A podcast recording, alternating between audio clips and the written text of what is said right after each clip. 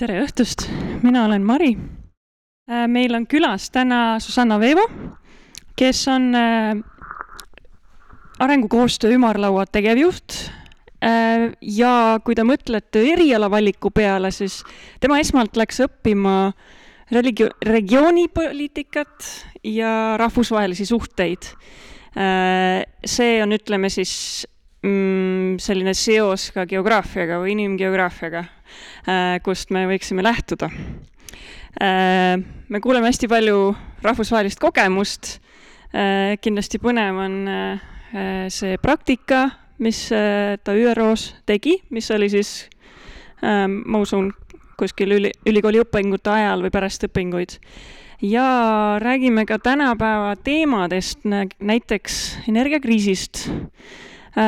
ma annan nüüd sõnajärje üle Susannale Äh, kes saab rohkem lahti seletada, mis, mis ta tegi ja kus ta oli. aitäh ja tere kõikidele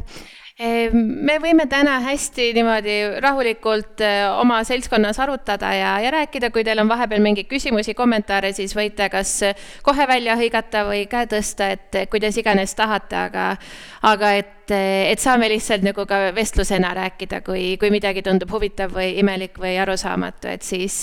siis saate kohe suu lahti teha loodetavasti aga, ja ma vaatan vahepeal oma telefonis märkmeid, ma loodan, et teil ei ole midagi selle vastu, aga siis, siis mul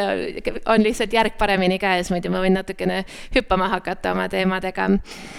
aga kõigepealt siis jah, minust endast. Eh, ma olen Susanna ja olen eh, arengukoostöö ümarlauast. Ei, arengukoostöö ega ümarlaud tõenäoliselt ei ütle teile esialgu suurt mitte midagi ja, ja eks ma saan ka sellest valdkonnast täpsemalt rääkida.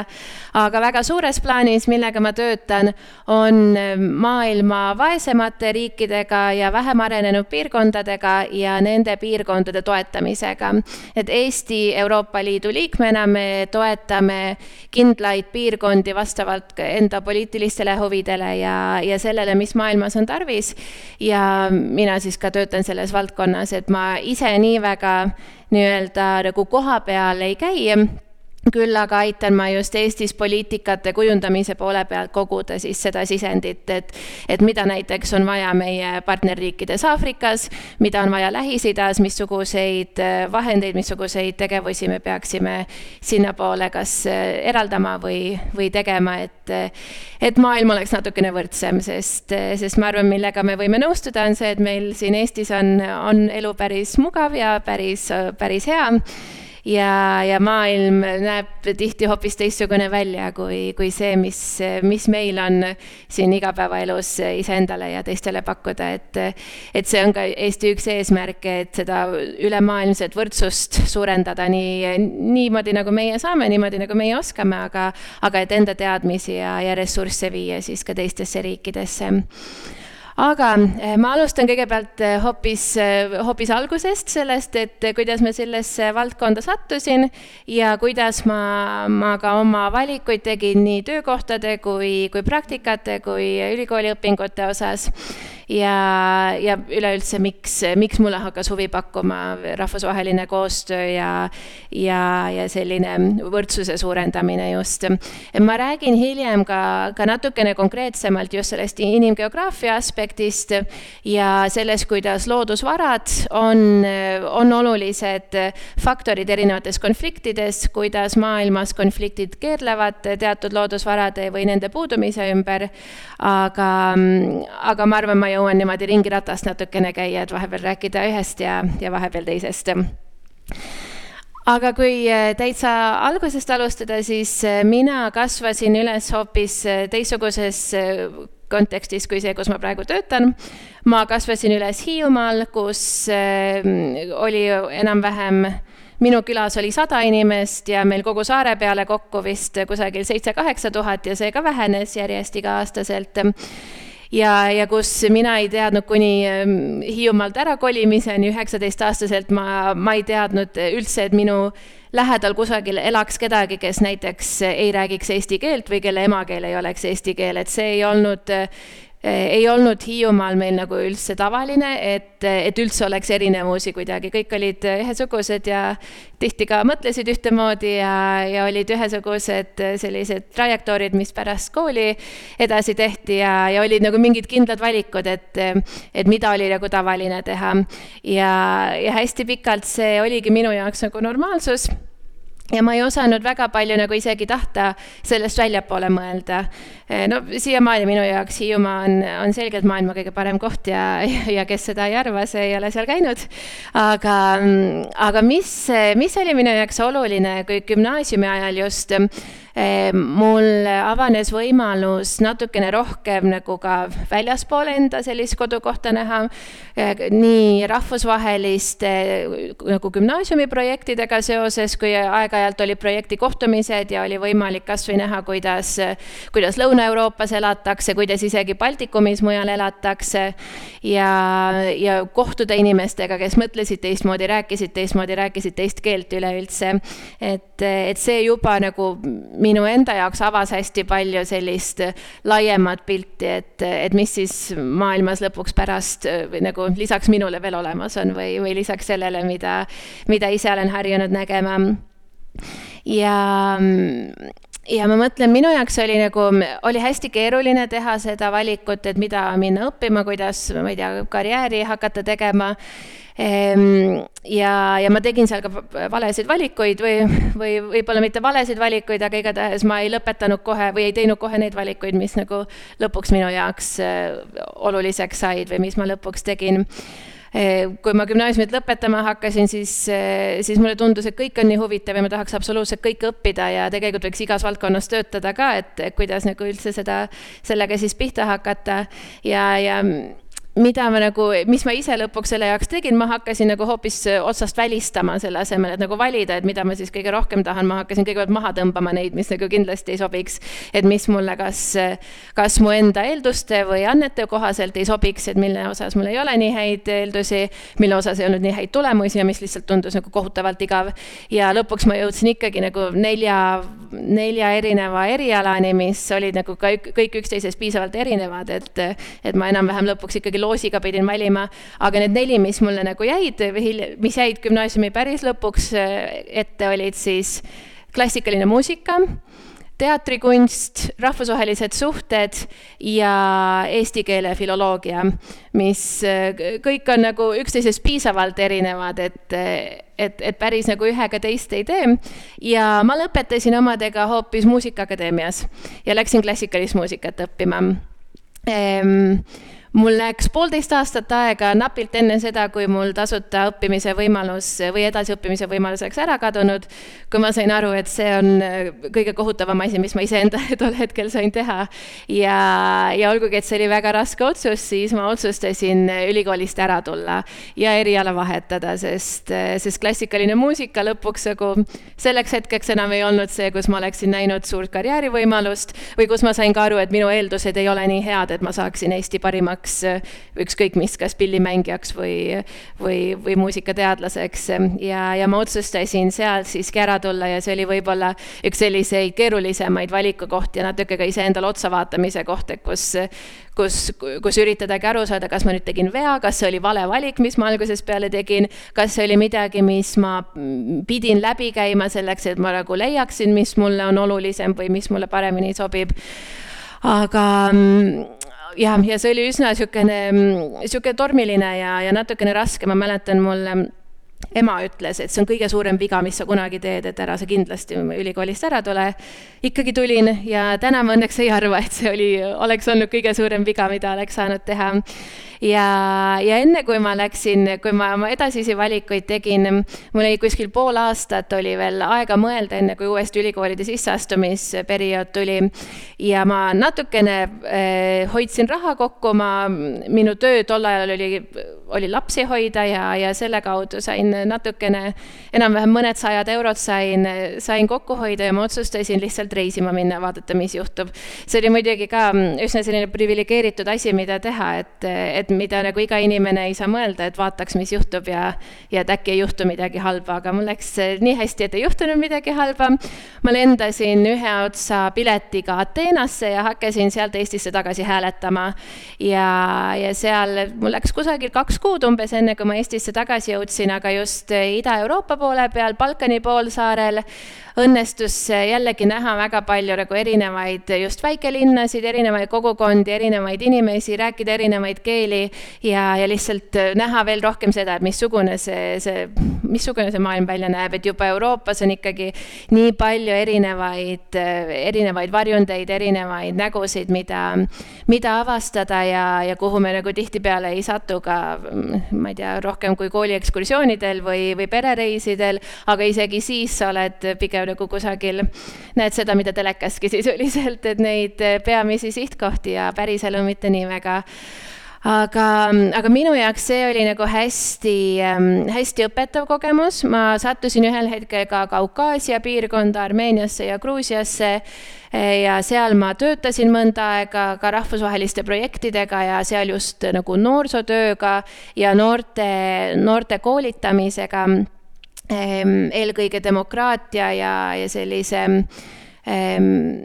jah, demokraatia ja võib-olla ettevõtlikkuse vallas, et kuidas ise nagu rohkem mingisuguseid algatusi läbi viia ja kuidas olla, olla rohkem osa oma riigi ja oma kogukonna valitsemisest ja, ja see kõik igatahes kokku ähm, hakkas mul vaikselt nagu midagi mu sees, ma ei tea, üles äratama või midagi nagu hakkasin ma ära tundma ja ma lõpuks läksin õppima Lähis-Ida uuringuid. ma vaatasin regiooni uuringute poole Tallinnas, kuna ma, ma tahtsin just Tallinnas olla, siin ei olnud väga palju erinevaid äh, variante, mis oleks nagu ütleme, konkreetsed regiooni uuringud ja mitte filoloogia, kuna ma ei tahtnud liiga palju keeleõppele keskenduda. ja, ja Aasia uuringute eriala oli, ähm, ma arvan, et üks ainsaid selle jaoks. Äh, ja Aasia uuringute eriala siis sai, sai veel spetsialiseeruda kas Hiina, Jaapani või Lähis-Ida regioonile. minu jaoks Lähis-Ida oli seejuures kõige huvitavam, kuna see on ka Eh, ma, ma julgen öelda, et üks eh, väga nagu selline stigmatiseeritud regioon, eh, kus, kus on ka pikalt olnud hästi keerulised olud ja, ja mis tol ajal oli juba ära olnud see, see esimene suurem rändekriis Euroopas, kui, kui ma õppima läksin, millel oli juba selline nagu halb maik oli küljes, et see on see, kus kõik need, kus kõik sisserändajad tulevad, siis käis Süürias juba sõda ja, ja igatahes Lähis-Ida tundus väga nagu selline vähe mõistetud regioon, eriti Eestis. ja, ja minu eriala siis oligi, ta oli selline Ehm, nagu kombinatsioon rahvusvaheliste suhete ja, ja konkreetselt regiooni uuringute vahel. et me vaatasime eh, põhimõtteliselt maailma siis läbi selle, selle regiooni nagu konteksti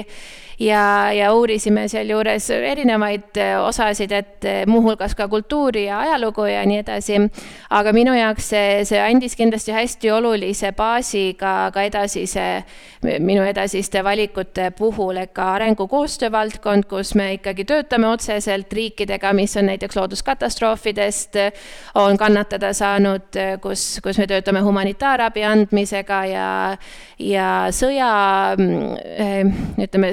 nende riikidega, kus sõda on lõppenud, sellise konfliktijärgse eh, taastamisega, et, et Lähis-Ida oli selles mõttes nagu huvitav regioon, millesse esimesena süübida ja, ja kust hakata edasi vaatama. et täna eh, arengukoostöö valdkonnas meil Ehm, Eesti näiteks riiklikult töötab nii Ida-Euroopas kui Lähis-Ida regioonis, Põhja-Aafrikas ja, ja Sahara taguses Aafrikas. et ühe väikse riigi kohta on see nagu suhteliselt selline lai geograafiline äh, ala, mida kaetakse ja mille osas on, on jätkuvalt vaja ekspertiisi, on vaja, et inimesed, et, et meil oleks Eestis piisavalt asjatundjaid, kes teaksid, mis nendes regioonides toimub, mis seal need vajadused on mis need reaalsused on ja, ja kindlasti minu jaoks Lähis-Ida uuringud oli selles mõttes oli nagu hästi silmi avav, samamoodi kuna, kuna mul õnnestus ka endal Lähis-Idas üsna palju käia, siis ma olin mõned kuud näiteks olin Iraanis, kus, kus oli hästi suur probleem just joogiveega. ja, ja see on loomulikult, on üleüldiselt, Iraanis on suur probleem ka valitsemisega, aga neil olid näiteks konkreetsed olukorrad, kus, kus riik suunas nagu niigi vähest joogivett, suunas oma riigist minema niimoodi, et kohalikud inimesed seda tarbida ei saaks, et põllumajanduses seda kasutada ei saaks ja, ja suunas hoopis teistesse riikidesse, et näiteks Iraan saatis oma joogivee hoopis Iraaki, mis, mis on samuti sõjas räsitud, aga tegi seda religioossetel põhjustel, et kuna Iraagis on ka, ka sellesama usulahu esindajad, kes Iraanis on, et siis saadeti sinna eh, nagu vähemususulahu esindajatele joogivett samal ajal kui, kui omal nagu oma riigis inimesed eh, olid parasjagu, olid nagu just veepuuduses ja, ja kus, kus tegelikult see nagu suurendas oluliselt neid kohalikke siseriiklikke probleeme, aga kuna, kuna tihti loodusressursid on nii väga ära politiseeritud, et siis lihtsalt poliitilise otsusena tehti niimoodi, et, et las need oma inimesed kannatavad ja, ja ka surevad, aga et, et vähemalt mingisuguse nagu žestina on saadetud siis, siis veeabi ka teistesse riikidesse ja, ja kui asi puudutab ähm, ütleme, loodusressursse ja konflikte üleüldiselt, siis see on, on üks muster, mida ma olen ise näinud nagu üle maailma hästi palju. et probleem ei ole nii väga selles ressursi puudumises iseenesest, vaid pigem selles valitsemises, mis selle ümber käib, et kui igasuguste loodusressursside jaotamine, kui sinna juurde tuleb korruptsioon, kui sinna juurde tuleb,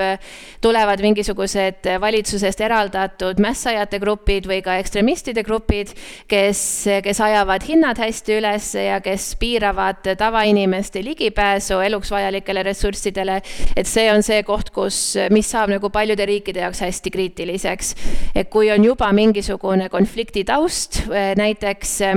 Kongo Demokraatlikus Vabariigis Kesk-Aafrikas oli, oli energiajulgeoleku puhul oli selline olukord, kus oli niigi sise, sisekonfliktid olid käimas ja, ja kus muuhulgas siis mässajate grupid lõid ka, ka konkreetse kivisöe hinna hästi üles, millega inimesed kütsid oma, oma kodusid, siis see nagu, äh, see lõppes veelgi suurema kodusõjana, sellepärast et inimesed ei jaksanud kütta oma maju ja, ja sellest tulenevalt nad läksid tänavatele protestima. valitsus äh, pani või surus need protestid alla vägivallaga ja see omakorda tekitas veelgi suurema ülestõusu ja selline nagu lumepalli efekt on, on konkreetselt loodusressursside jaotamise puhul nagu hästi, ähm, kahjuks hästi tavaline. kus, kus mitte kõik ei ole rõõmsalt kaevu ääres ja ei võta vett, vaid, vaid kus kõigepealt politiseeritakse mingisugused teemad ära ja, ja üritatakse võimalikult palju kasu, kasu teenida sellest, et, et inimestel on need konkreetsed vajadused nagu vee joomine ja, ja, ja toidujulgeolek ja, ja see siis omakorda nagu suurendab neid neid edasisi probleeme, mis või suurendab neid probleeme, mis, mis ühiskonnas niigi on. Ja, ja teine selline võib-olla keerulisem näide, mida me nägime eelmisel aastal, mis puudutab konkreetselt toidujulgeolekut, siis eh, ka, ka Venemaa sõja kontekstis Ukrainas oleme näinud eh, päris palju seda, kuidas kasutatakse just seda nagu julgeoleku haavatavust ka, ka iserelvana. et kui te mäletate näiteks eelmisel, ma arvan, et see oli varasuvel, kui, kui oli rohkem fookuses see, kuidas, kuidas Venemaa ja Ukraina kahe peale kokku moodustavad hästi, hästi suure osa maailma teravilja ekspordist ja, ja teravilja varustatusest sest kokku Venemaa ja Ukraina kahe peale eh, toodavad ligi kaksteist protsenti kogu maailma toidust. et nende, nende riik, kahe riigi nagu mõlema ekspordivõimekuse nagu täielik kokkukukkumine oli, oli maailma toidujulgeolekule ikkagi väga kriitiline ja, ja nagu me võib-olla te mäletate, siis, siis eelmisel suvel olid konkreetsed olukorrad, kus Mustal merel olid viljalaevad olid ootel, et neile antaks, antaks luba Mustmeri ületada ja, ja konkreetselt Sahara tagusesse Aafrikasse teravilja viia ja kus need laevad pandi põlema. Kus, kus ütleme, see toit ise sai ka, ka relvaks, millega, millega manipuleerida otsuseid, millega survestada üht poolt alluma ja, ja näitama ka liitlastele, Euroopale, et, et mida rohkem me, me tahame toetada Ukrainat, et seda kriitilisemaks lähevad üle maailma need olud. et see, see on ka selline nagu suhteliselt karm reaalsus, mis, mis maailma julgeolekuga ja, ja loodusressursside jaotamisega kaasas käib, et sellised, et ütleme geograafiat ja poliitikat omavahel lahutada ei ole nagu kahjuks nagu lõplikult täiesti võimalik, et loomulikult saab ühele rohkem keskenduda kui teisele, aga, aga tihti paljud otsused ka, ka inimgeograafias on ikkagi hästi poliitilised ja, ja kahjuks,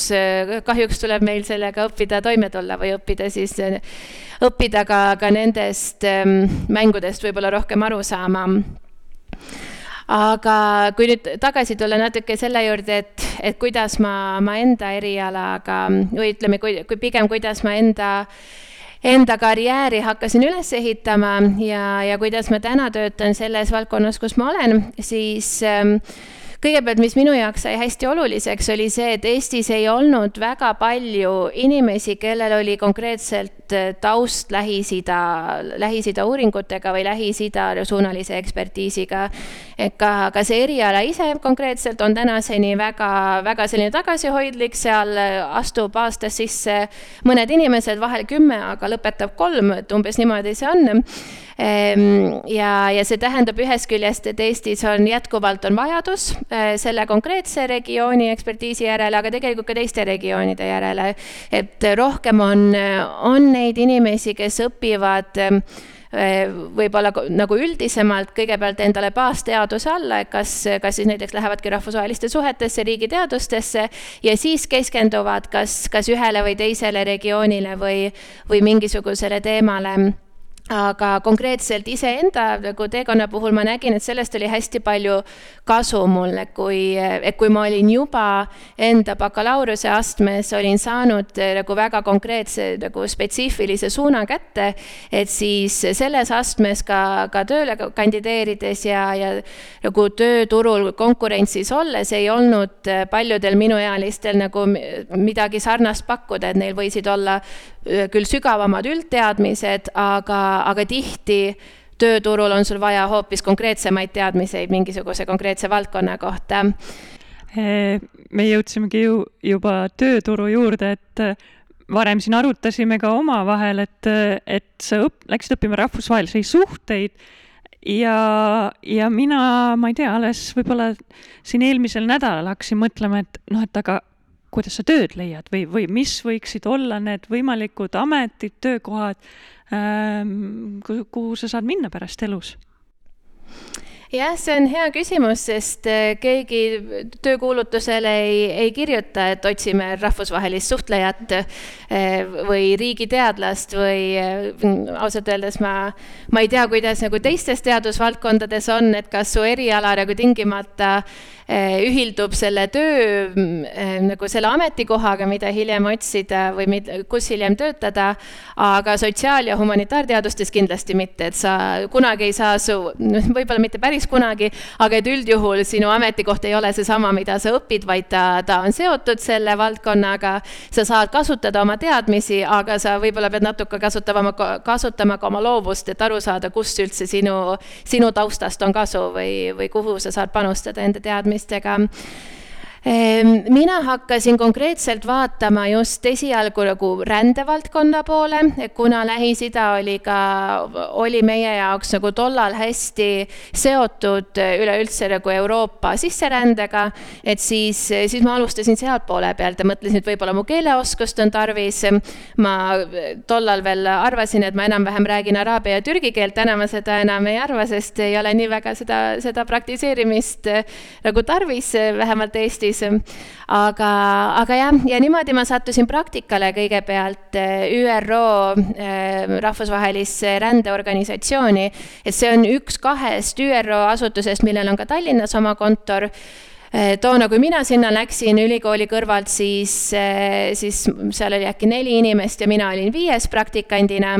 Aga, aga see oli hästi hea kogemus ühest küljest just selle osas, et kuidas sellised nagu väga suured masinavärgid, ülemaailmsed masinavärgid töötavad, olgugi et siin Tallinna kontoris, siis mul oli vaja ikkagi teha ka läbi kõik need eh, taustakontrollid ja turvakaalutlused ja, ja kõik, eh, kõik olulised eh, evakuatsioonikoolitused, mis ÜRO puhul on vajalikud. õppisin seal, et kõige parem korrus, kus olla, on viienda ja kaheksanda korruse vahel, sellepärast et kui on tulekahju, siis kõrgem on liiga kõrge ja madalamal on suurem tõenäosus, et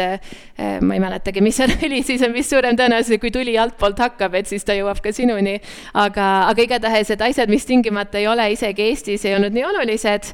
Eh, sõja kontekstis, evakuatsioon ja nii edasi, aga kõik selle ma, ma sain ka siin Eestis läbi teha lihtsalt kuna, kuna ÜRO masinavärk seda nõuab ja, ja see andis ka hästi hea ettekujutuse, et mis asi see, see rahvusvaheline koostöö üleüldse on ja, ja kui palju see on ka seotud eh, erinevate geograafiliste piirkondadega maailmas, erinevate arengutega, mis nendes piirkondades toimuvad ja, ja mis nagu maailmas suuremad vajadused on, et ÜRO ise ka töötab hästi palju just vaesusega ja näljahädaga täna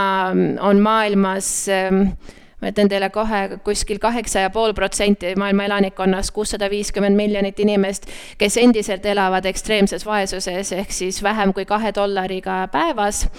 Eestis on, on selle vaesuse, tere, Eestis on vaesuse nagu ülemmääraks, et millest altpoolt on, on ekstreemne vaesus, on kusagil kakssada viiskümmend eurot kuus, et, et noh, juba see skaala on väga erinev, et ka meie ekstreemne vaesus näeb välja siiski teistsugune kui maailmas. see, see tohutu vaesus, mida, mida väga paljud inimesed kahjuks kogevad ja, ja, ja noh, suur osa sellest on ka just seotud sellega, et, et ei olegi ligipääsu toidule, ei ole ligipääsu veele, ei ole ligipääsu energiale. Ja, ja kui ka need ressursid on olemas, siis eh, neid lihtsalt müüakse niivõrd kallilt ja tehakse seda meelega, kuna, kuna teatakse, et igal juhul mingit hinda peab maksma, sest, sest ilma nendeta ei saa elada, et see omakorda juba viib konfliktideni. Aga igatahes ma jõudsin selle, selleni ma jõudsin ÜRO juurest, et, et see praktika kogemus minu jaoks oli hästi huvitav just, et näha ka, kuidas väljaspool ütleme, Eesti selliseid eh, süsteeme võib-olla tegutsetakse ja samas olla nagu, olla ikkagi kodus ja ja olla ikkagi nagu enda keskkonnas, et, et ma ei teinud äh, suurt välispraktikat oma õpingute ajal, ma tegin hiljem, aga, aga see oli hästi hea kogemus. lisaks rändeorganisatsioonile Eestis on ka, on ka Maailma Terviseorganisatsiooni esindus Terviseameti juures, et need on siis need kaks ÜRO ametit, mis, mis ka Eestis tegutsevad aga see sai minu jaoks kindlasti oluliseks ähm,, oluliseks teguriks ka edaspidi, kui ma ka, kui ma ka edasi, edaspidi tööle kandideerisin, siis kõigepealt see praktikakogemus ja see, see suure rahvusvahelise organisatsiooni kogemus oli midagi, mida väga kõrgelt hinnati. ja teine kogemus äh, minu puhul, mis sai oluliseks, oli vabatahtlik töö. et ma olin olnud mõnda aega erinevates noorteorganisatsioonides vabatahtlikuna, ma olin ähm, olin Eesti Noorteühenduste Liidu juures eh, vist kuskil aasta aega, et isegi mitte väga pikalt, aga ma töötasin seal ka nagu konkreetselt välissuhtlusega ja, ja Ida-Euroopa suuna, nagu jah, suuna peal. ja see samuti sai, sai selliseks oluliseks kaalukeeleks, et millega, mille najal mul oli edaspidi lihtsam mingisuguseid valikuid teha, et et kuna mul olid ähm, ühest küljest mingid kontaktid juba tekkinud, et minu äh, mingites ringkondades äh, oli mul tuttav nägu, et paratamatult see natukene aitas kaasa, aga lisaks ka see enesekindlus, mis tuleb nendest kogemustest, sest tegelikult ma saan nagu hakkama sellises olukorras, kui mind konkreetselt minu näitel, siis kui mind saadetakse näiteks äh, Tallinna linnavalitsuse juurde mingisuguseid äh, läbirääkimisi pidama, mis nagu esimesed kümme korda on väga hirmus ja ausalt öeldes pärast ka, aga, aga vähemalt, mille puhul sa õpid ära, et ma ei tea, milline, mis on need kirjutamata reeglid või, või kuidas ma pean käituma, mida ma pean tegema. vabatahtlikuna saab olla esialgu nagu tihti selliseks kärbseks seina peal, keda keegi ei märka niikuinii ja kelle tõenäoliselt sõna ei anta, aga sa vähemalt näed ära, et kuidas inimesed käituvad, mida, mida öeldakse, mida tehakse. ja, ja kõik need kogemused hakkasid hästi suurt rolli mängima siis, kui, kui ma sattusin arengukoostöö ümarlauda, et ma mitte ei alustanud seal tegevjuhina, vaid seda rolli ma olen kandnud praegu alles aasta aega aga enne seda ma olin päris mitu aastat seal poliitikate ja, ja huvikaitse peal. huvikaitse on sisuliselt läbirääkimised, aga, aga meie valdkonna selline spetsiifiline mõiste. ja, ja seal nagu, mida see töö jällegi tähendas, oli tihti poliitikapaberite kirjutamine, eh, poliitiliste kriisidega töötamine, näiteks Afganistani puhul, kui Taliban võttis, eh, tegi riigipöörde Afganistanis eh, kahe tuhande kahekümne esimese aasta suvel, siis sealt inimeste evakueerimise korraldamine ja, ja ütleme, Eestis nagu ka sellise poliitilise tahte nagu üldse tekitamine või selle natukene suunamine, et need olid konkreetsed sellised konkreetsed ülesanded, millega ühel hetkel pidi töötama, mida, mille jaoks keegi ei saanud ette valmistada, keegi ei õpeta ülikoolis, et kui Taliban võtab jälle Afganistani üle, et siis tee seda ja seda ja seda, vaid mis ühest küljest tuleb nagu lihtsalt inertsist natukene ja ka nende eelmiste kogemuste baasil, mis, mida oled saanud ehm, ja, ja nagu taoliste olukordadega toimetulemine, nendes töötamine, et see kõik Eh, kõik kindlasti nagu on eh, olnud hästi tugevalt eh, baseerunud siis sellel, mida ma õppisin Lähis-Ida uuringutes ja, ja mida ma ka nägin erinevates riikides elades ja, ja reisides ja erinevates kultuurikontekstides töötades. et olgugi, et ma Afganistanis kunagi ei ole elanud ega seal ka käinud, siis see, et ma olin ikkagi pikalt Iraanis, mis on Afganistani naaberriik ja, ja kus on kus on sarnane keel, kus on sarnane kontekst, aga, aga üsna erinevad probleemid, et siis see ikkagi andis nagu mingisugust arusaamist, et mida see üleüldse tähendab, kui, kui, kui selline riigipööre toimub, kui ähm, tüdrukud ei ole lubatud enam koolis käia, kui naised ei tohi enam kodust välja minna. et noh, midagi, mida ma loodan, et me ei näe mitte kunagi ja, ja ei taha reisida ka sellistesse kohtadesse. aga, aga mis aitas nagu igatahes luua sellist laiemat konteksti ja ja, ja ka teha mingisuguseid valikuid, kui, kui see kriis käes oli. Ehm, selle kohta sihuke fun fact, kui ma arvan, et see oli vist kaks-kolm päeva oli sellest möödas, kui, kui Taliban riigipöörde tegi, kui, kui mul hakkas see nagu kogu see kriis hakkas mul nagu nii nii palju nagu hakkas mul ikkagi nagu närvidele ja, ja tervise peale, et lihtsalt ühe terve öö ma oksendasin järjest, kuna nagu lõpuks see tuli füüsiliselt nii palju see enda peale, kui sa pead mõtlema, sul on nimekiri inimestest, kes on vaja ära evakueerida, kes on vaja Eestisse tuua selleks kuupäevaks, enne kui nad ära tapetakse. ja, ja iga päev sa ei saa öösel magadagi, sa ei tea, kas need inimesed on üles leitud, kas minister on loa andnud, et need tohib ära evakueerida või mitte ja igatahes see on nagu selline teine pingelisem osa, aga, aga mis on jällegi hästi vajalik, sest noh, selles konkreetse loo puhul ikkagi natukene üle kümne inimese jäi tänu sellele ellu, et neile anti see luba ja et me saime nad ära tuua. et, et see nagu omakorda on ka ikkagi oluline võit. aga, aga ma mõtlen, mis võib-olla on, on veel selline lähedasem näide, eh, kus, eh, kus jällegi kasutatakse nagu ära ka, ka loodusvarade nappust või, või nende nagu sellist puudust. praegu konkreetselt eh, see maavärin, mis oli Türgis ja Süürias, see on noh, toonud omadega niigi kaasa väga palju probleeme seal arvatakse, et ma ei mäletagi, äkki kusagil kakskümmend miljonit inimest ligikaudu on sellest mõjutada saanud, et kas, et kes siis elasid nendes linnades, kus, kus see maavärin toimus. ja, ja kõige nagu koledam minu enda jaoks on näha, kuidas eriti sellistes olukordades, mis ei ole kellegi tekitatud, mis on tohutu katastroof kõikidele, kes, kes seal olukorras on, kuidas juba on tekkinud rühmitused, kes, kes näiteks piiravad ligipääsu joogiveele ja, ja kes varastavad bensiini ja kes, kes kes nagu üritavad ikkagi kasu lõigata sellest, mis, missugune kaos on tekkinud nagu millegi tõttu, mis ei ole mitte kellegi süü ja mille pärast kõik kannatavad ja, ja et üritatakse nagu ikkagi seda kuidagi enda kasuks mängida, et las parem miljon inimest kannatab, kui mina saan sellest natukene võita, kui et, et anda siis seda ligipääsu kõikidele. ja, ja noh, see on, on ka üks põhjus, miks, miks see rahvusvaheline koostöö nii oluline on, et, et kui igaühel lasta nagu oma külas, oma linnas, oma riigis riigis teha täpselt seda, mis nagu parasjagu tuju tuleb,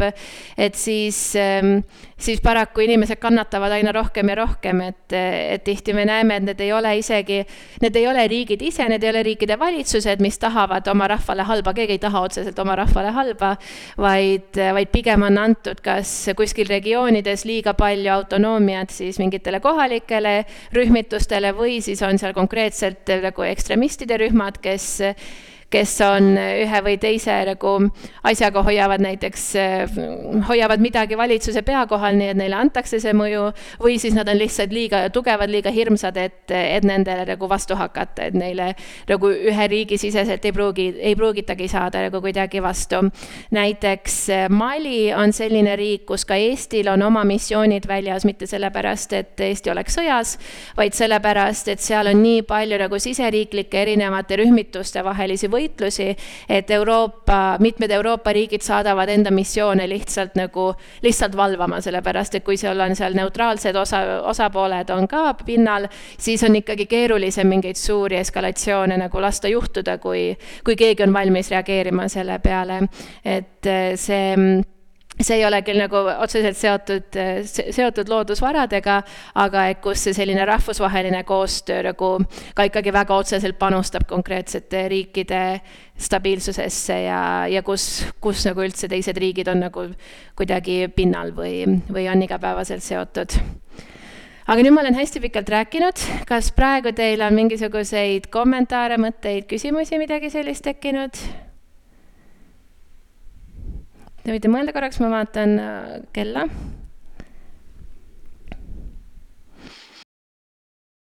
ma teen otsa lahti jälle, et, et, äh, et see kõlas päris, äh, päris hirmsalt et kas, kas su tööpäev ongi nii raske, et saad, saad kõne valitsuselt ja, ja siis pead organiseerima ruttu hädaabi? Ehm, pigem on see vastupidi, pigem on niimoodi, et mina helistan valitsusele, nemad peavad organiseerima hädaabi. Et selles mõttes see vastutus ikkagi ei ole nagu ühe organisatsiooni või ühe inimese peal, et selline olukord, tee nüüd midagi, vaid pigem see, mis, mis meie ühenduse roll ja minu roll konkreetselt on, on see, et me aitame nagu, aitame mingisuguseid fookusi seada või, või aitame märgata, et mis on need olulised asjad praegu, millele reageerida või, või millega töötada et eh, jah, ise nii väga ei, ei pea mingit abi organiseerima ja. Äh,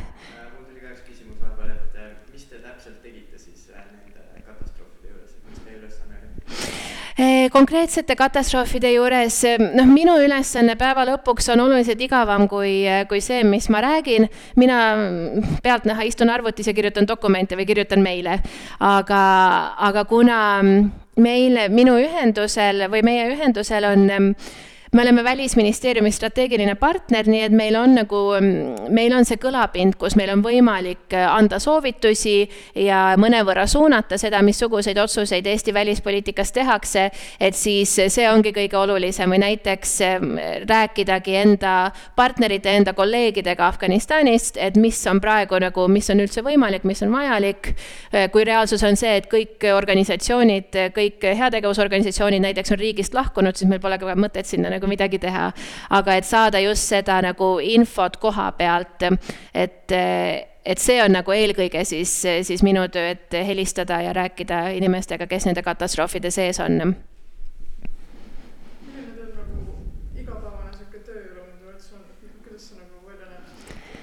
Ehm, see näeb välja, ma mõtlen üldiselt on niimoodi, et alati on mingisugust dokumenti vaja kokku panna.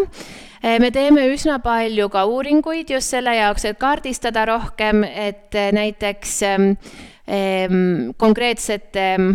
ma ei taha liiga, liiga palju poliitikatest rääkida, ma loodan, et sellega liiga igavaks ei lähe, aga et näiteks konkreetsete poliitikate elluviimise kohta, et, et kui Eestis on äh, välispoliitika näiteks peab olema, peab lähtuma soolisest võrdõiguslikkusest, et siis me ka teeme uuringuid, et kas meie välispoliitilised tegevused Gruusias on soolise võrdõiguslikkuse baasil tehtud. et noh, seda tüüpi paberitööd, mis võib-olla ei ole nagu ei ole nii huvitav, aga mis, mis jällegi on hästi olulise mõjuga, et mille najal hiljem tehakse teisi otsuseid ja mis aitab suunata seda, mis, mis edaspidi saab, aga selline minu igapäevatöö, ütleme, on see niimoodi, et hommikul kirjutan dokumente, lõunal käin kas kuskil kohtumistel või, või kuskil konverentsidel, et sellist ähm, ministeeriumitega koostööd on hästi palju ja Riigikantseleiga koostööd on, on väga palju ja siis äh, õhtul kirjutan veel dokumente edasi. ja, ja vahepeal, ma ei tea, vahepeal kohtume Euroopa Komisjoniga, vahepeal Euroopa Parlamendiga, ega need sellised Euroopa koostöösuhted on hästi olulised, aga noh, nendega lõpuks ikkagi on see üks dokumentide kirjutamine, meilide kirjutamine, et et see nagu pealtnäha võib näha kõik ühesugune välja, aga see sisu on see, mis, mis erineb ja mis, mis on tegelikult hästi huvitav. ja kas on veel mingeid küsimusi? Äkki tuleme tagasi siis äh, su enda tee juurde, et kuidas su elu edasi läks äh, pärast äh, neid vabatahtlikke äh, kogemusi ja? minu jaoks äh, oli üks veel hästi oluline selline mm, juhtum võib-olla mu nagu just karjääri juures pärast äh, ma olin mõnda aega nagu, olin keskendunud veel koolile ja ma, ma üldse ei töötanud ja kui ma siis hakkasin uuesti tööd otsima, siis ma kandideerisin ühte organisatsiooni, kust kus mulle tundus, et ma oleksin nagu nii hea kandidaat, et, et ma oleksin sinna väga hästi sobinud ja mul olid nagu väga konkreetsed mõtted, mis, mida see organisatsioon hiljem niikuinii läbi viis, mis ma olin neile välja pakkunud, aga kus nad ütlesid mulle ei. Ja, ja see eitav vastus minu jaoks oli nagu selline mm, nagu korraks lõi mind kõikuma, et, et mis ma siis nüüd tegema pean või, või miks ma nüüd piisavalt hea ei olnud või mida nad siis otsisid, mida mul ei olnud. lõpuks tuli välja, mida nad otsisid, oli rohkem nagu siseriiklik vaade ja vähem välispoliitiline vaade, mis, mida mina just rõhutasin, nii et see oli igati loogiline, et et nad valisid inimese, kes oli nende profiilile sobivam ja see ei tähendanud, et mina piisavalt hea ei olnud, vaid lihtsalt, et minu fookus oli või minu ekspertiis oli natukene nagu teises valdkonnas, aga mm, aga selle tõttu, ma nüüd loodan, et mu kolleegidest keegi ei kuula seda salvestust, aga selle tõttu ma natukene jonni pärast ja natukene niimoodi muuseas kandideerisin arengukoostöö ümarlauda. ma ei teadnud, mida tähendab arengukoostöö, ma ei teadnud, mida tähendab ümarlaud, ma ei teadnud, mida tähendab huvikaitse, mis oli see ametikoht, kuhu ma kandideerisin, või mul oli mingisugune ette või mingisugune arusaam olemas, aga ma ei olnud kunagi selles valdkonnas töötanud, et ma, ma ikkagi läksin nagu väga konkreetselt enda mingite regiooni uuringute eh, taustteadmistega sinna sinna intervjuule. aga mind võeti sinna tööle eh, pigem nagu ütleme, sellise potentsiaali tõttu, et mul ei olnud jah, seda kogemust ja nad oleksid eelistanud tõenäoliselt inimest, kellel oleks see kogemus olnud, aga nad nägid minu nagu profiilist üleüldiselt, et, et ma õpin vähemalt kiiresti ära või et ma, et, et ma õpin nagu ujuma selles valdkonnas ja, ja saan aru, mida ma tegema hakkan no aega läks, aga ma arvan, kuskil kolme-nelja kuu pärast ma nagu enam-vähem juba jah, teadsin, mis ma teen ja ja, ja seal läks mul üsna kiiresti, üsna hästi, et see selline poliitikatega töötamine, konkreetsete regioonidega töötamine sobis mulle väga hästi, kuna iga päev oli ka uus kriis, uus teema, millega töötada, uus probleem, mida lahendada sisuliselt, siis see ühest küljest küll oli nagu minu jaoks emotsionaalselt hästi raske, et nagu kogu aeg mingite uute kannatustega sisuliselt töötada aga teisest küljest tähendas ka seda, tähendab siiamaani seda, et ükski päev ei ole nagu teisega samasugune, et igav ei saa kunagi hakata, sellepärast et alati tuleb midagi uut ette. ja, ja mis oli minu jaoks nagu eriti huvitav, oli see, et seal on nii hästi nagu välja juba kujunenud need, need koostöövormid, et sai, et meie oma organisatsioonis, mina ei ole kunagi pidanud tõestama, et miks me oleme olulised, miks me teeme, mida, mida me teeme, vaid nii kõikide meie partnerite jaoks, nii Välisministeeriumi, Keskkonnaministeeriumi, Haridusministeeriumi kui Riigikantselei jaoks on, on see nagu koostöö olnud alati hästi, hästi hea. ja, ja igatahes ma jah, seal nagu hakkasin aina rohkem kuidagi ka, ka iseenda oskuseid ja ka enda sellist potentsiaali avama, seal ma organisatsiooni sees ka õppisin nagu teadlikult väga palju juurde, kui olid uued valdkonnad, mida võtta, siis ma võtsin need alati enda peale, ma õppisin organisatsioonis ainsa inimesena ära veel, mida tähendab näiteks võlaõiglus, mida tähendab maksuõiglus, ma töötasin seal maailma Maailmapanga ja Rahvusvahelise Valuutafondiga ja, ja läksin nagu enda õpingutes tegelikult suhteliselt kaugele, suhteliselt tehniliste teemade juurde, mis noh, ma ei ole majandust sisuliselt kunagi õppinud ja ma väljaspool enda valdkonda seda ka ei mõista, aga mida see tähendab näiteks arenguriikide rahastamise koha pealt, mida see tähendab konkreetse riigi jaoks konkreetselt Lääne-Aafrikas, kui neil on sellised ja sellised vajadused, et kuidas me siis saame nende mehhanismide kaudu toetada neid riike, ma ei tea, investeeringuid teha, et, et taastuvenergiat rohkem toota ja kasutada ära nagu neid ressursse, mis seal kohapeal on. et see kõik äh, andis mulle hästi palju hoogu juurde ja kuidagi inspireeris ja andis energiat, nii et, et ma hakkasin organisatsiooni sees nagu veel õppima nii palju kui võimalik ja ja nüüd viimased aasta aega olen ma jah organisatsiooni juhtinud. Eh, meie eelmine tegevjuht läks lapsehoolduspuhkusele ja, ja ta soovitas mul kandideerida sellel konkursil, mis pärast tehti. Eh, see juhtimistöö on olnud küll hoopis teistsugune kui, kui eksperditöö. Ja ma natukene igatsen seda, et saaks nagu pigem oma, oma spetsialistitööd teha, keskenduda nagu, keskenduda huvitavatele asjadele ja mitte administratiivtööle, aga, aga samas kogemusena on see ikkagi hästi väärtuslik, et kuidas ka nagu sellist rahvusvahelise koostööga töötavat organisatsiooni juhtida ja alles hoida ja säilitada ja, ja nii edasi. ja, ja seal nüüd kokku ma olen olnud, ehm, mul nüüd jookseb neljas aasta, nii et, et väga pikalt ei ole, aga, aga ikkagi nagu suurem osa minu sellisest professionaalsest elust ja ülikoolijärgsest elust on nüüd, on nüüd seal möödunud. On teil mingisuguseid mõtteid või küsimusi veel?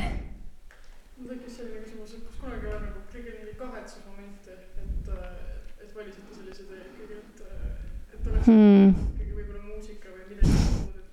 et mis need muud valikud olid, et äh, kas te olete nagu, ma ei tea, kahetsust teada? kusjuures on, aga, aga kahetsust mul tõesti pole absoluutselt tekkinud, ma pole isegi mõelnud sellele. ma võib-olla kahetsen seda, et ma alguses ikka seda muusikat õppima läksin, et oleks võinud kohe midagi huvitavat oma ajaga teha. Ehm, et jah, seda kahetsust üldse ei ole, pigem nagu ma mõtlen, et et kust, mis nagu edasi saab, kuidas saaks veel huvitavamaks minna, tundub, et see, et see on juba nii huvitav, et tegelikult äh, ei oskagi nagu väga midagi paremat tahta. võib-olla see teine külg sellest mündist nüüd äh, oli see, et äh, et, äh, et kui ma eksin, et ma, ma, kas, kas valida midagi mis ma ei ole kindel, et see eriala mulle sobib või meeldib või, aga mis siis juhtub, kui ma eksin mm? -hmm. kuidas, kuidas sa seda kommenteerid?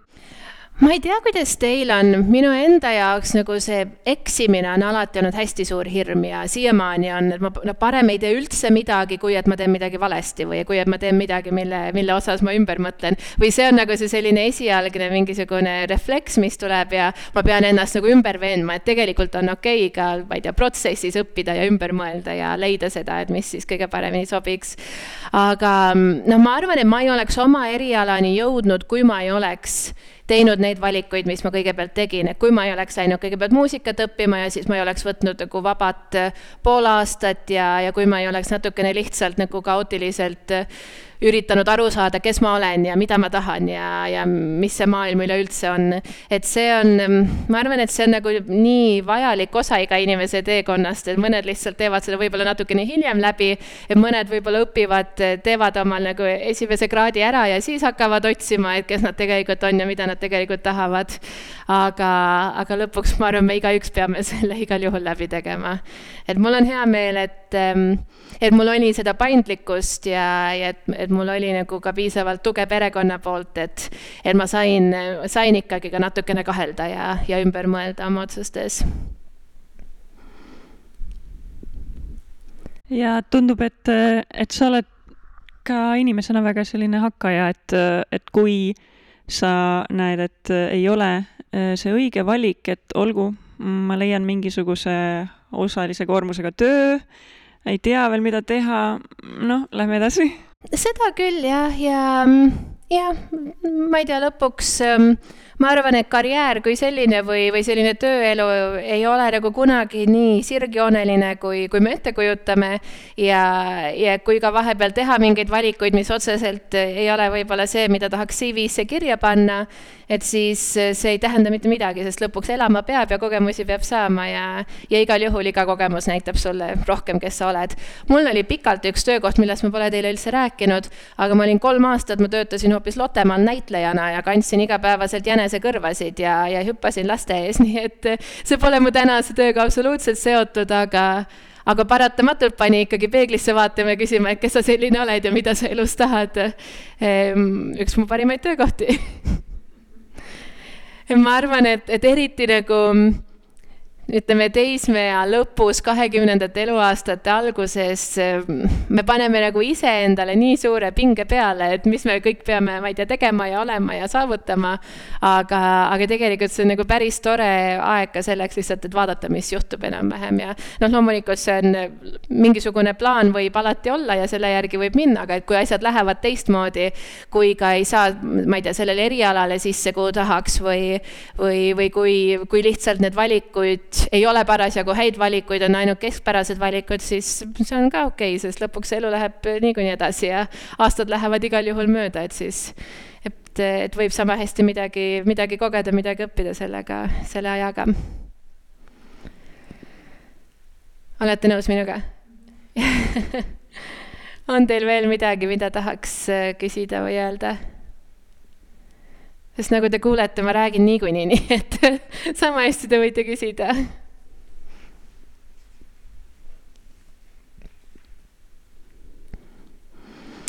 okei okay,, eh, siis võib-olla mitte, ma korraks vaatan veel kella. Ma valmistasin ette ühe mm, väikese nagu mängu, aga ma mõtlen, võib-olla meil ei ole seda nagu nii, eh, nii kitsas seltskonnas nagu kõige huvitavam teha, aga me võime korraks ikkagi katsetada põhimõtteliselt, eh, mida, milles see mäng seisneb, on see, et eh, igaüks teist saab endale ühe riigi, mida te esindate. igal riigil on oma eesmärk ja omad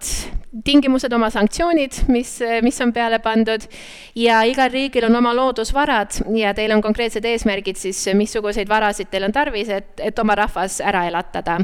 ja te peate omavahel hakkama neid loodusvarasid jagama selle jaoks, et kõik saaksid oma eesmärgid eh, täidetud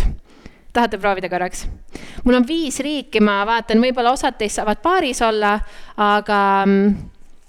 aga igatahes saame vaadata, kuidas see teil läheb. Ehm, ja reegel on see, et ei tohi teistele riikidele öelda, mis, ehm, mis teie eesmärk on ja mis teie sanktsioonid on et te võite öelda, et mul on see loodusvara, anna mulle seda vastu, aga te ei tohi öelda, et eh, ma ei saa mingil põhjusel seda näiteks teha või, või et ma sinuga ei taha ehm,. ma mõtlen, kuidas ma teen, kas teie mängite ka? Te mõlemad? ahah okei okay., siis teid on niimoodi, et, et teist kaks tükki peavad eh, olema nagu ühes meeskonnas, okei okay., ja siis ülejäänud on eraldi. nii, teie olete siis koos. palun. ja palun ja ma annan teile paar minutit lihtsalt lugemiseks ja ma siis ütlen, millal te peate hakkama võidu peale või aja peale oma, oma loodusvarasid äh, vahetama selle, kogu selle mängu eesmärk, selle, siin ei ole mingit suuremat, laiemat moraali, et täpselt selline on maailm. Õnneks on maailmas oluliselt rohkem riike, kellega koostööd teha, et see ei ole nagu mingid konkreetsed, enam-vähem suvaliselt valitud viis riiki. aga, aga see oli lihtsalt väike näide sellest, et ühest küljest, kui palju on läbirääkimisi nagu nii lihtsate asjade jaoks nagu joogivesi vaja, vaja kusagil läbi viia, kui, kui poliitilised ja majanduslikud huvid, huvid on mängus. ja, ja teisest küljest, et kuidas igasugused kokkulepped kokkulepped riikide vahel, et kuidas need on niikuinii selline kompromisside küsimus ja sisuliselt selle asemel, et kõik võidaksid, kõik alati kaotavad natukene, aga võib-olla kui hästi läheb, siis keegi võidab ka. et see oli, oli jah, pigem nagu lihtsalt ilmestamiseks, et milline, milline see rahvusvaheline koostöö tihti välja näeb ja et mis need sellised mingid aspektid on, millega arvestada, et kes ei taha kellega koostööd teha ja nii edasi kas sa oskad juba meile öelda järgmise konflikti? No mis praegu on näha, on see, et eh, kus võib jamaks minna, võib-olla Türgi, eh, kuna seal on ka valimised tulemas ja seal üritatakse valimisi edasi lükata ja seal samal ajal kannustatakse ka neid ekstremistide gruppe, et nad oleksid aktiivsemad, et tekiks nagu suurem sisepoliitiline jama, et seda siis valimistel kasutada. et see on nagu üks selline ärevam koht ja noh, teine on ikkagi Moldova, kus, kus praegu enam-vähem iga päev oodatakse, et millal üritatakse riigipööret läbi viia. et need on sellised nagu natukene tuleohtlikud kohad, aga, aga jah, et need on ilmselt kõige keerulisemad meie naabruskonnas vähemalt mis on see selline keeruline osa, selle praegu Afganistanis on nagu kõige, kõige suurem humanitaarkatastroof nagu selle riigi ajaloos üldse ja seal ei ole mitte mingisugust rahvusvahelist abi, keegi ei saada sinna ei toidupakke, ravimeid, mitte midagi, sellepärast et kõik konfiskeeritakse Talibani poolt ja keegi ei saa lubada seda, et nad toetavad Talibani tegevust. nii et see on hästi-hästi keeruline, et ainus variant praegu on Pakistanis toetada Afganistani põgenikke, et kus on suur osa inimesi läinud teinud. lõbusad teemad. Ja paraku see on see, see maailm, kus me oleme. Ja, ja õnneks Eestil on ikkagi täna ka väga hea selline välispoliitiline roll, kus meil on päriselt ka võimekust midagi teha, et võib-olla natukene lähemal Ehm, kas või Valgevenes, kus on ka demokraatia poole pealt, riigikorra poole pealt väga keerulised olud, siis Eesti ikkagi jätkuvalt to toetab seal kodanikuühiskonda ja vaba meediat, et, et hoida ülal sellist demokraatlikku liikumist ja et kõik ei kaoks nende valimistega taha ära, nii et et ma, ma arvan, me elame nagu väga heas riigis, meil on endal rahulik ja, ja samas meil on ka piisavalt sellist meil on piisavalt kaalukas sõna ka meie regioonis, et meil õnnestub üht-teist ellu viia ja, ja ka teisi Euroopa riike äh, innustada rohkem tegutsema. et täna Eestil on ikkagi jah, väga hea maine Euroopas kui selline väike, väike visa, natukene kakleja, aga, aga kes nagu väga konkreetselt just tegutseb enda moraali ajal, et mitte ei vaata, kust tuuled puhuvad ma arvan, et selline optimistlik lõpp ongi tore ja ja täname siis kuulajaid ka, kes äh, kunagi podcasti kuulavad. aitäh teile, et te tulite, oli väga huvitav ja aitäh Susannale äh,. väga, väga teistsuguse profiiliga inimene, aga ma arvan, et võib-olla kõige huvitavam oli siiamaani kuulata, mis toimub äh, sinu erialas. ja suur tänu siis ka Haridusametile